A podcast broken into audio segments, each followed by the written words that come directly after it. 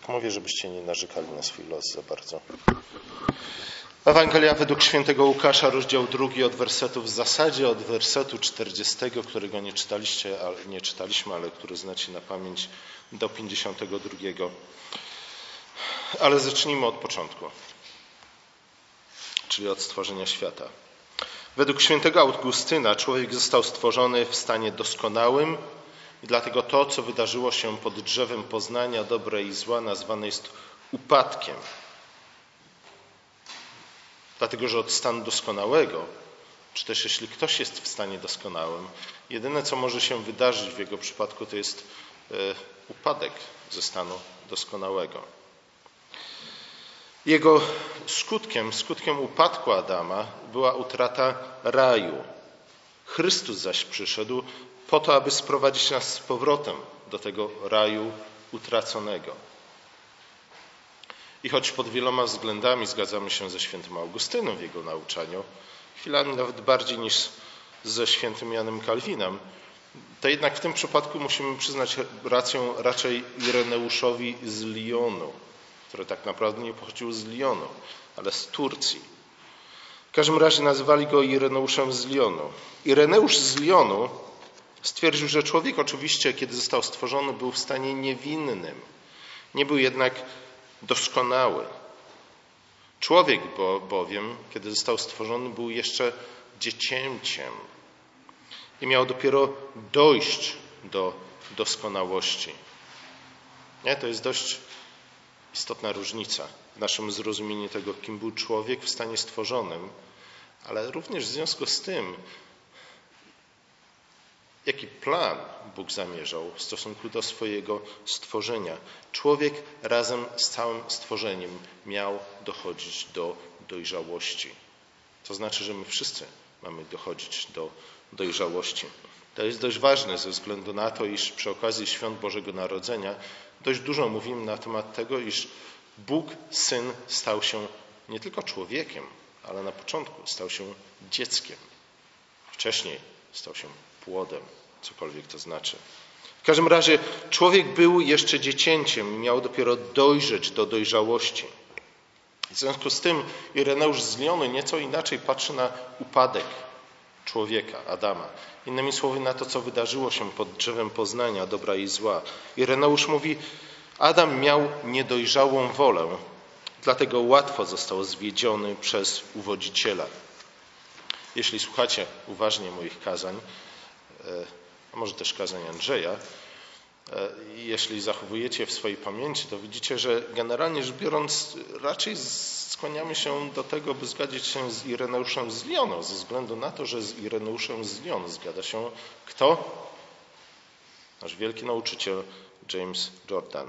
W każdym razie, o ile dziecko stanowi w Piśmie Świętym przykład ufności i pokory, i o tym wielokrotnie mówiliśmy już przy okazji świąt Bożego Narodzenia.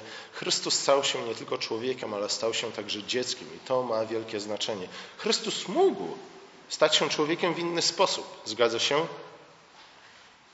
Mógł po prostu w którymś momencie pojawić się na świecie jako człowiek, w pełni dojrzały mężczyzna, tudzież kobieta. Nie? Dobre pytanie, dlaczego objawił się jako mężczyzna, nie kobieta, ale to kiedy indziej. W każdym razie, o ile dziecko w Biblii stanowi przykład ufności i pokory, to także znajdujemy w Piśmie Świętym symbol czy też metaforę dziecka, który nie jest pozytywny, tak jak ten.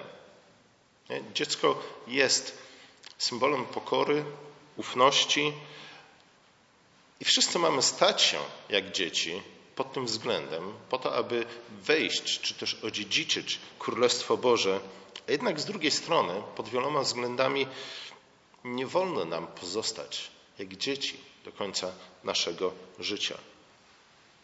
Dzieci, pamiętajcie o tym. Macie stać się dorosłymi. Zgadza się? Cokolwiek to znaczy. W każdym razie w Piśmie Świętym dziecko często występuje jako osoba, której po prostu brakuje mądrości. Wybaczcie dzieci, to nie ja, to Pismo Święte, a zwłaszcza król Salomon e, tyle ma do powiedzenia na wasz temat. W każdym razie ma być to szczególna mądrość, mądrość, która płyną, płynie ze znajomości Boga oraz z doświadczenia życiowego, którego wy, dzieci, jeszcze niestety posiadacie bardzo, bardzo mało, co nie jest waszą winą. Nie? Pamiętajcie o tym.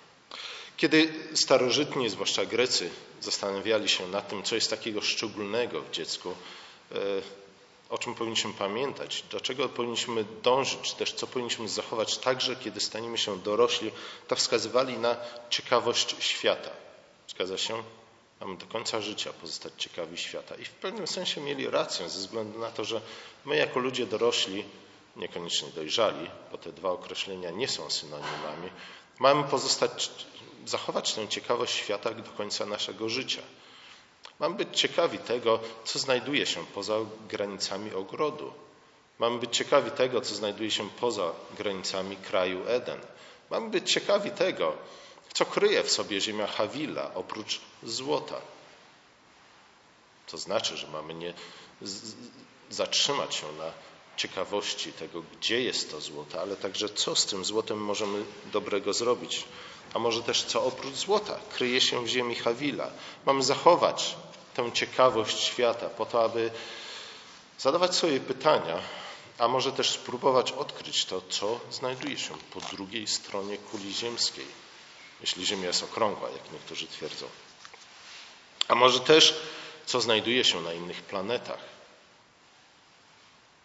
Ale o tym kiedy indziej, o tym na klubie literackim. Słuchajcie, Salomon stwierdza, biada ci ziemio, której królem jest chłopiec, innymi słowy, której, którym, której królem jest dziecko. I wydaje się, że właśnie Salomon w przypowiedzi, nie, to jest w księdze przypowiedzi, kaznodziei Salomona, czyli Kocheleta, Salomon e, odnosi się tutaj do tego, co wydarzyło się właśnie pod drzewem poznania dobra i zła. Adam był jeszcze chłopcem, a chciał już być królem. Nie był gotowy do tego. Nie był gotowy do tego, aby sprawować władzę ze względu na to, że brakowało mu mądrości. Nie? I w momencie, kiedy stwierdził, iż chce być królem, choć wciąż jest dziecięciem, któremu brakuje mądrości, stracił. Stracił to, co jest fundamentem. Fundamentem tego wszystkiego, co powinno cechować dobrego króla, czy też dobrego człowieka, więc stracił swoją pokorę. Spojrzał na siebie samego w niewłaściwy sposób. Stracił zdolność właściwej oceny samego siebie. Zbyt wiele zaczął myśleć o sobie za bardzo zaczął się skupiać na swoim powołaniu, a także na tym, co wydawało mu się jego dobrymi cechami. Za bardzo skupił się na tym, co jest generalnie rzecz biorąc dobrym pragnieniem, które powinno być obecne w każdym z nas, aby być królem, aby być ciekawym świata, aby wziąć w posiadanie całą ziemię.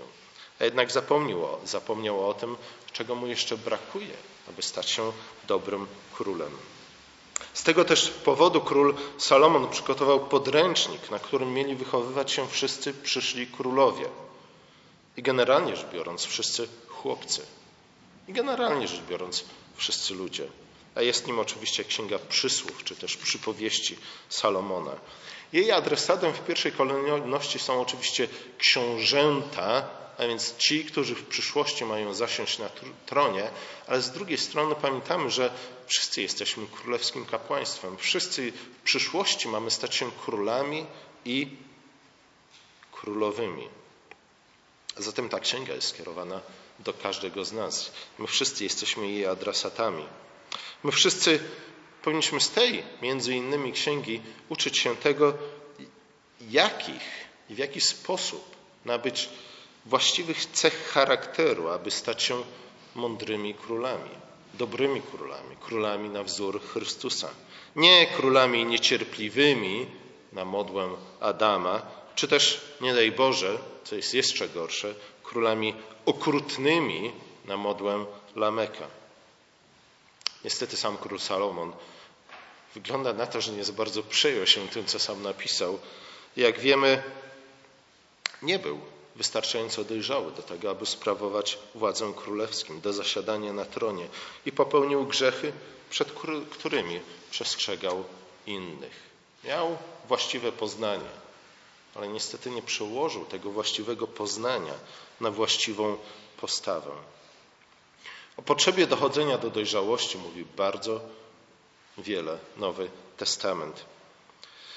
Apostoł Paweł w pierwszym liście do Koryntian w 13 rozdziale, w którym mówi o tym, że miłość jest czymś najważniejszym. Miłość jest największą, najważniejszą cnotą, do jakiej powinniśmy dążyć. Miłość jest miarą doskonałości. Tam właśnie stwierdza, że gdy byłem dziecię, dziecięciem, mówiłem jak dziecię, czułem jak dziecię, myślałem jak dziecię. I nie mówi, że to było złe, ale dalej stwierdza, kiedy zaś stałem się mężem, wyzbyłem się tego, co dziecięce. Nie wyzbył się wszystkiego, co dziecięce, nie wyzbył się pokory, uniżoności, gotowości do tego, aby służyć innym, gotowości do tego, aby być wdzięcznym w stosunku do innych, gotowości do tego, by rozpoznać, że jak wiele zawdzięcza innym, a zwłaszcza Panu Bogu, a jednak wyzbył się tego, co, czego my wszyscy powinniśmy się wyzbyć, gdy dorastamy.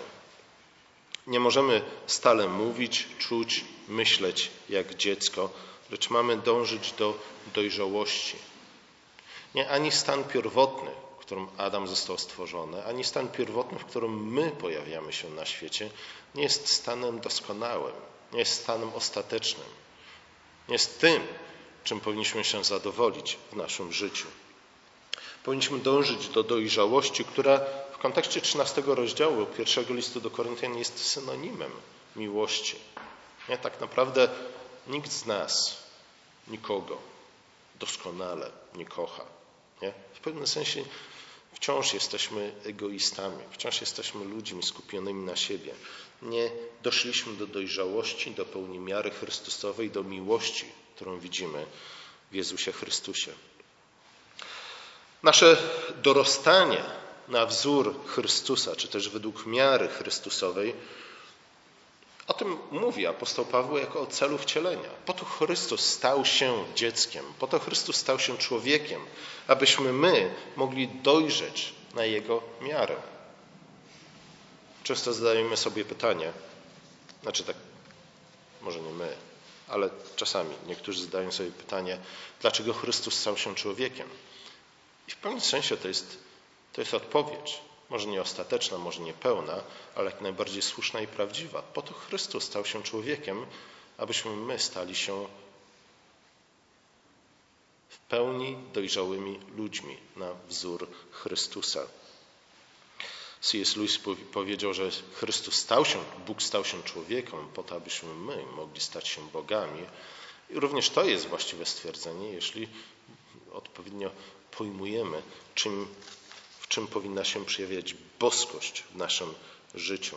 W każdym razie apostoł Paweł w liście do Efezjan w czwartym rozdziale mówi, że mamy dochodzić do jedności wiary i do pełnego poznania Syna Bożego, do człowieka doskonałego, do miary wielkości według pełni Chrystusa, abyśmy już nie byli jak dzieci którymi miotają fale i porusza każdy powiew nauki, na skutek oszustwa ze strony ludzi i przebiegłości w sprowadzaniu na manowce fałszu. Właśnie z tego względu autor listu do Hebrajczyków stawia, generalnie rzecz biorąc, główny zarzut adresatom tego listu. Mówi: Wiele mamy, wiele mamy o nim mówić, a trudne jest to do wyjaśnienia ponieważ jesteście ociężali w słuchaniu. Gdy bowiem ze względu na czas powinniście być nauczycielami, sami potrzebujecie kogoś, kto by was pouczył o pierwszych prawdach słów Bożych. I mleka wam potrzeba, a nie stałego pokarmu. Każdy, kto pije mleko, nieświadom jest nauki sprawiedliwości, ponieważ jest niemowlęciem. Przeciwnie, stały pokarm jest właściwy dla dorosłych, którzy przez ćwiczenie mają władzę umysłu doskonalone do rozróżniania dobra i zła. W tym kontekście wydaje mi się, że powinniśmy podejść do dzisiejszego tekstu z Ewangelii, do Ewangelii Łukasza z drugiego rozdziału, wersetów od 40 do 52. Zarówno w 40 wersecie, którego dzisiaj nie czytaliśmy, ale który znacie na pamięć, jak i w wersecie 52 czytamy o tym, że Chrystus wzrastał i nabierał mądrości. Te, te, te dwa stwierdzenia stanowią jakby klamrę tego całej, całej historii opowiadającej o wizycie Jezusa w świątyni w Jerozolimie. Oczywiście przy tej okazji wiele można by mówić na temat Unii hipostatycznej, czyli o zjednoczeniu boskiej i ludzkiej natury w Chrystusie. Nie? Bo skoro był Bogiem, był doskonały, więc jak mógł, mógł wzrastać i jak mógł nabierać mądrości. Z drugiej strony wiemy, że był człowiekiem. Wiemy, że musiał wzrastać i nabierać mądrości, ale o tym może przy innej okazji. W każdym razie teraz chciałbym zwrócić uwagę na fakt tego, iż ewangelista Łukasz mówi, nie tylko mówi, iż Chrystus wzrastał i nabierał mądrości, nie? ale także zwraca naszą szczególną uwagę na ten fakt, iż Chrystus wzrastał i nabierał mądrości. I pisze o tym jako o czymś jak najbardziej pozytywnym. Pisze o tym jako o czymś, co również my powinniśmy naśladować. Skoro Chrystus nie tylko wzrastał, ale w pewnym sensie musiał wzrastać w mądrości, a także w łasce u Boga i u ludzi, to tym bardziej my musimy wzrastać w mądrości i w łasce u Boga i u ludzi. Łukasz dalej wskazuje na podstawy tego wzrastania Chrystusa w mądrości, w łasce u Boga i u ludzi. Mówi najpierw o tym, iż jego rodzice obrzezali go ósmego dnia według prawa mojżeszowego. To jest ciekawe, nie? Że, że podstawą wzrastania Chrystusa w łasce i w mądrości jest Jego obrzezanie. Nie coś, co człowiek czyni zwykłym fizycznym, materialnym narzędziem na ciele człowieka. Nie? Co to oznacza? Dlaczego to ma być podstawą wzrastania w mądrości u Boga i u ludzi? My, skażenie tym, czego nauczył nas Immanuel Kant, niesławny, nie? wydaje nam się, że coś takiego nie ma absolutnie żadnego związku z wzrastaniem w mądrości i w łasce. Nie? Podobnie jak dzisiaj wielu ludzi, idąc za Emanuelem Kantem, mówią, Cóż ma wspólnego chrzest z wzrastaniem w mądrości i w łasce? Nie, być może ten chrzest jest znakiem tego, żeśmy już wzrośli, ale nie. Pismo Święte przedstawia to w jakiś inny sposób. Mówi, że takie właśnie rzeczy, którymi my często niestety gardzimy, są podstawą naszego wzrastania w mądrości i w łasce. Następnie Łukasz stwierdza, iż rodzice Jezusa mieli w zwyczaju odbywać coroczne pielgrzymki do Jerozolimy na święto Paschy. To również jest podstawą wzrastania Jezusa w mądrości i w łasce, te coroczne pielgrzymki do Jerozolimy. Na szczęście my jesteśmy protestantami i nie musimy odbywać absolutnie żadnych pielgrzymek. Nie? To jest Ewangelia, którą często słyszymy w kościołach protestanckich, co absolutnie nie ma żadnego związku ani z Lutrem, ani z Kalwinem, ani z innymi reformatorami. Według ewangelisty Łukasza to była również podstawa wzrastania Chrystusa w łasce i w mądrości. Wcześniej Łukasz szkicuje nam postać Marii, matki Jezusa, i ukazuje ją jako kobietą nadzwyczaj dojrzałą, a dojrzałą w tym sensie, iż znającą bardzo dobrze Pismo Święte. Kobietą, która znała prawdopodobnie na pamięć wszystkie 150 psalmów i inne pieśni, które znajdujemy w Piśmie Świętym, przynajmniej Starego Testamentu, ze względu na to, że jej magnifikat jest niczym innym, jak tylko kompilacją. Już nie pamiętam ilu, ale chyba pięciu czy też sześciu różnych psalmów. Nie? To była jej spontaniczna odpowiedź na pozdrowienie kogo? Chyba Gabriela, jeśli dobrze pamiętam. Nie, to tyle na temat spontanicznego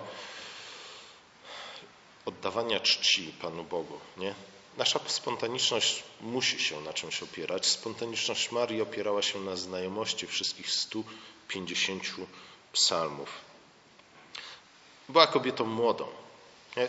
teologie spierają się o tym, ile miała lat, czy miała 13, czy też 14, czy 15 lat. Zrobimy egzaminy. Nie?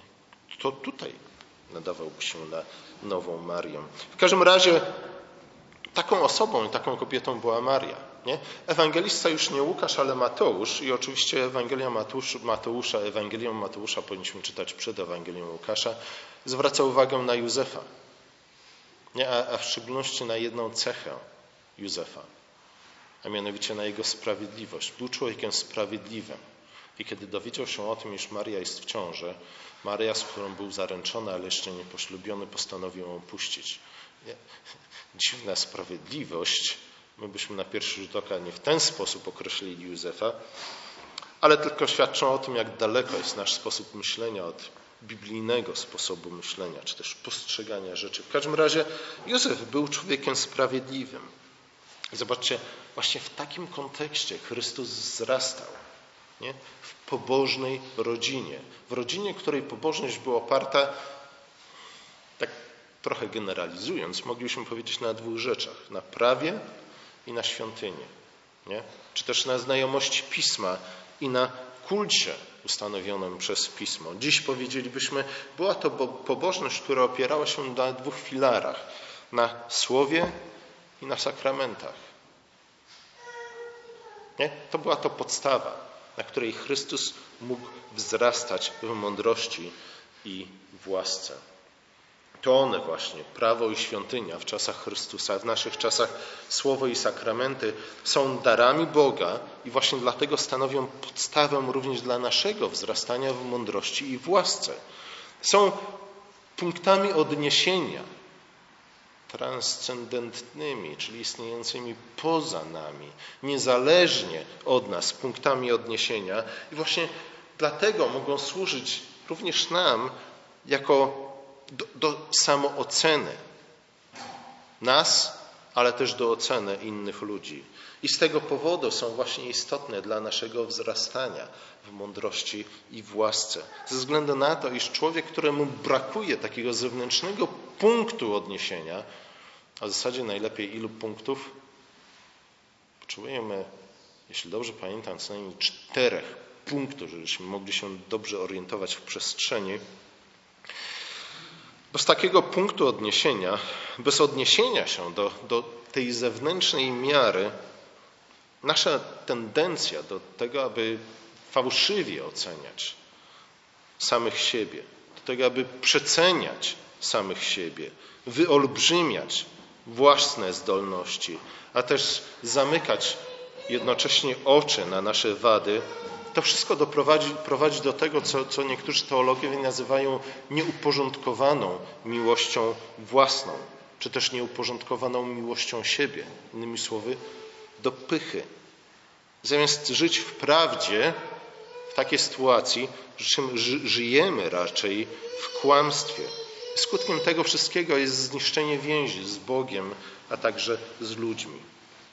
To pokora, to uniżenie, jakie widzimy w Chrystusie, który stał się dzieciątkiem, który stał się niemowlęciem, są podstawą naszego wzrastania w łasce i w mądrości. Ta pokora i uniżenie, jak widzimy na przykładzie Chrystusa, są uzupełnione o ten kontekst prawa i świątyni, słowa i sakramentów, dzisiaj byśmy powiedzieli. Jeśli to pokora i uniżenie, jak widzimy w dziecku, jakie są dobrymi cechami dziecka i które powinniśmy, powinni cechować także każdego dorosłego człowieka, jeśli one ustąpią zniecierpliwieniu, jeśli ustąpią nieuzasadnionym roszczeniom, opartym o niewłaściwej, fałszywej ocenie samych siebie, o przecenianiu samego siebie, zaowocują one prędzej czy później, później kłótliwością i rozgoryczeniem. Do tego prowadzi pycha. Do tego w ten sposób żyje każdy człowiek, który jest pozbawiony nie, tej miary, która istnieje poza nim i miary, do której przykłada swoje życie, przynajmniej od czasu do czasu, a jak mi się wydaje, do, do czego zachęca nas Pan Bóg, e, abyśmy czynili to każdego tygodnia. Chrystus jednak nie postępuje w ten sposób. Nie? Grzech Adama polegał na tym, iż odrzucił Boże Słowo, iż w pewnym sensie targnął się na to, co moglibyśmy nazwać e, sakramentalnym drzewem w kontekście raju. E, I w związku z tym pozbawił siebie tej miary. W niewłaściwy sposób ocenił samego siebie, przecenił swoje własne możliwości i niestety owocem tego była rzeczywistość, w której świat cały się pogrążył. Chrystus wskazuje nam inną drogę. Bóg Syn stał się dzieckiem, dziecięciem, niemowlęciem. Stał się symbolem pokory i ufności. I kiedy dorastał, zachował właśnie tę dziecinną, czy też dziecięcą, raczej powinniśmy powiedzieć, pokorę, gdyż pamiętał, że tym, co go określa, jest jego relacja z Bogiem Ojcem. I na to zwraca Jezus w kontekście jego wizyty w świątyni, czy też ucieczki od rodziców, od Maryi i Józefa, po to, aby być w tym, co jest jego ojca. Ta relacja z Bogiem Ojcem określa syna. Nie? Ojciec zawsze jest ojcem, syn zawsze jest synem. Bardzo ciekawe dyskusje teologiczne toczą się na ten temat, co to oznacza, ale, ale oznacza to między innymi to, iż tym, co określa syna, jest jego relacja z Ojcem. Tym, co określa Chrystusa, Boga, wcielonego Boga Syna, jest jego relacja z Bogiem Ojcem. I właśnie Chrystus, jako syn, odwieczny syn swojego Ojca, z radością i z wdzięcznością, ale także z ufnym oczekiwaniem tej nowej, również dla niego sytuacji, uznaje swoją zależność od Ojca. Tak jak my wszyscy powinniśmy uznać naszą zależność od Boga, który nas stworzył, a tym bardziej od Boga, który nas zbawił. Od Boga, który wywyższa tych, co się przed Nim uniżają. Nie? Chrystus jako Syn uniżył się przed swoim Ojcem i dlatego został wywyższony. My, jako Synowie Boży, również mamy uniżać się przed naszym Ojcem. Nie? I ten fragment przypomina nam, w jaki sposób, nie tylko i nie wyłącznie, nie? ale w jakiś sposób konieczny mamy uniżać się przed Bogiem naszym Ojcem.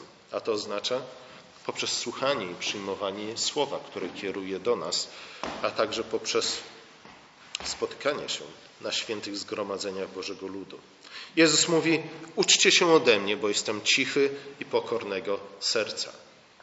No i to jest, wydaje się, właśnie w kontekście tej ireneuszowej interpretacji wydarzeń pod drzewem poznania dobra i zła, właśnie to jest pierwszą rzeczą, którą powinniśmy, której powinniśmy nauczyć się od Chrystusa. Także jest cichy i pokornego serca. Oczywiście, kiedy widzimy Jezusa z biczem w ręku, wywracającym stoły świątyni, nie za bardzo wygląda nam to na pokorę, ale może znowu problem jest taki, iż nasze zrozumienie pokory ma niewiele wspólnego E, z Pismem Świętym, a więcej wspólnego z tym, co napisał Arysto... Arystotel i jemu podobnie. Ale o tym więcej przy innej okazji. Amen.